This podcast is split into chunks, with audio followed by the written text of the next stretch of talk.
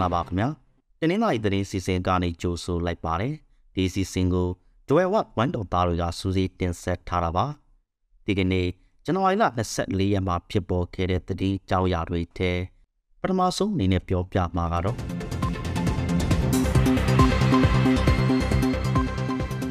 ဝိရစေအမှုနဲ့ထိုင်းနိုင်ငံမှာဖမ်းဆီးခံထားရတဲ့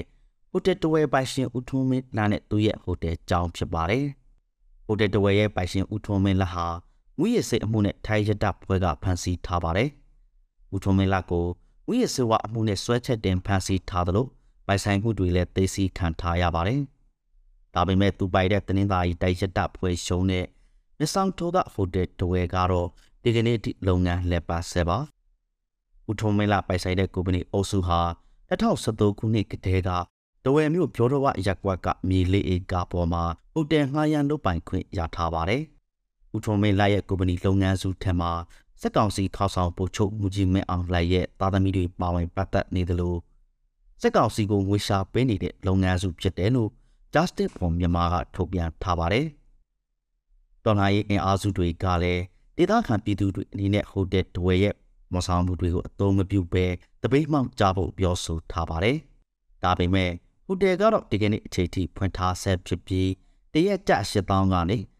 တသိအထိပေးရတဲ့အခန်းတွေပါရန်လက်ပတ်နေဆဲပါ။နိုင်ငံခြားသားကိုဆိုရင်တော့တရက်မြန်မာကျန်ငွေ2သိန်းလောက်နဲ့ညီမျှတဲ့ဒေါ်လာ60ကနေ90ကြားနဲ့ငှားရမ်းနေပါတယ်။ထိုင်းအာဏာပိုင်တွေကဟိုတယ်ဒူဝဲရဲ့ပိုင်ရှင်ဦးထုံးမင်းလက်ကိုစစ်ဆေးပြီးချိန်မှာတော့ဒေါ်လာ50တန်းကျော်တန်ဖိုးရှိတဲ့ပိုင်ဆိုင်မှုတွေကိုသိသိထားလိုက်ပါတယ်။သူ့ရဲ့ကုမ္ပဏီလုပ်ငန်းစုဟာတင်းနှင်းသာရီတိုက်ထဲတတ်တုလုပ်ငန်းစွမ်းအင်လုပ်ငန်းတွေလည်းလှုပ်ကိုင်နေတယ်လို့ဆိုပါတယ်။ ဆယ်လပီတင်းနှင်းသာရီမြို့နယ်မှာဖြစ်ပွားနေတဲ့တိုက်ပွဲကြောင်းပြောပြပါမယ်။တင်းနှင်းသာရီမြို့နယ်ဘော်ဒီကန်ရွာမှာဒီကနေ့မနေ့ပိုင်းကစပြီးတိုက်ပွဲတွေဖြစ်ပွားနေပါတယ်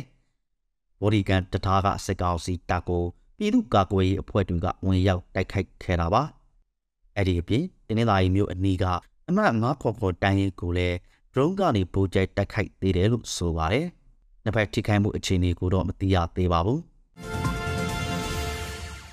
တနင်္လာရီမြို့နယ်ကဗန်လီမော်ရွာနာမှာလည်းတိုက်ပွဲတွေဖြစ်ပွားနေတဲ့အကြောင်းဆက်ပြောပြပါမယ်။တနင်္လာရီမြို့နယ်ဗန်လီမော်ကျေးရွာနာမှာနေရစတိုက်တိုက်ပွဲတွေဖြစ်ပွားနေပါတယ်။ဗန်လီမော်ကျေးရွာအုပ်စုထဲက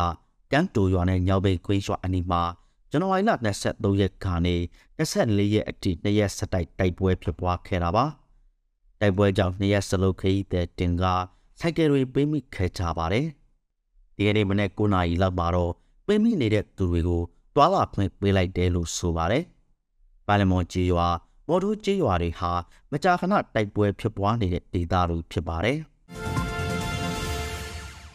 အာနာသိပြီးနောက်ပိုင်းဒွဲမှာကလေးမီပွားစီတွင်မြင့်တက်လာတဲ့အကြောင်းနားဆင်ရမှာပါ။အာနာသိပြီးနောက်ပိုင်းပုဂ္ဂလိကဆေးရုံတွေမှာကလေးမီပွားစီတွေဟာကြသေးရနန်းထိကွာဟမြင့်တက်လာပါတယ်။အာနာမသိခင်ကထက်စားရင်ဘိုက်ကွဲမွေးလူနာတအုပ်အတွက်တသိန်းချက်ကနေ တသိန်းငါးလောင်းချက်အထိမြင့်တက်သွားတာပါရိုးရိုးမွေးလူနာတွေမှာလည်းကြတောင်ကနန်းလောက်မြင့်တက်သွားပါတယ်အဲ့ဒီထက်မှာကလေးသုံးဆောင်ဝဲတာဆေးရုံတက်ဖို့ကာဟာရာအခြားဆေးဖို့ဘာခါတွေမပါသေးပါဘူးအဲ့ဒါတွေပါအောင်ပေါင်းလိုက်ချင်တော့အမြင့်ဆုံးသိစကနန်းကျော်သွားနိုင်တဲ့အခြေအနေရှိနေပါတယ်တိုက်တန်းကမြို့နယ်ဆေးရုံချုပ်ကလည်းကျမ်းမာရေးဝန်ထမ်းပစ္စည်းကိရိယာအခက်အခဲကြောင့်ကလေးမွေးပေးတာကိုရန်နာထားကြပါတယ်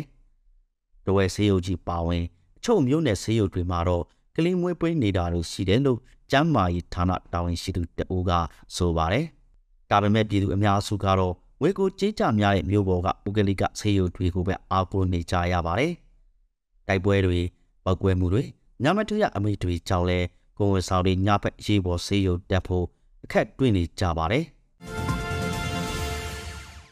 နောက်ဆုံးအနေနဲ့တရုတ်နှစ်သက်ကူကာလအင်မွေကြက်သားစီနို ရုတ်တရက်မြင့်တက်သွားတဲ့အကြောင်းနားဆင်ရမှာပါတရုတ်နှစ်သက်ကူကာလမှာတဝဲဈေးကွက်တဲ့အင်မွေကြက်သားစီနိုရုတ်တရက်မြင့်တက်သွားခဲ့ပါတယ်အရင်က15000ရှိရာခါနေတရုတ်နှစ်သက်ကူကာလမှာတော့2000နီးပါးအထိဈေးတက်သွားခဲ့တဲ့ဆိုတဲ့အကြောင်းတင်ဆက်ပေးလိုက်ရှာပါတယ်ခင်ဗျာခုလိုနားဆင်ပေးခဲ့တဲ့အတွက်ကျေးဇူးအထူးတင်ရှိပါတယ် မြန်မာနိုင်ငံသူနိုင်ငံသားများကပ်ဘေးပေါင်းထားတဲ့အများဆိုလွန်မြောက်နိုင်ပါစေလို့ဇဝဲဝတ် twine တော်သားများကစုမုံတောက်တောက်အပ်ပါတယ်ခင်ဗျာ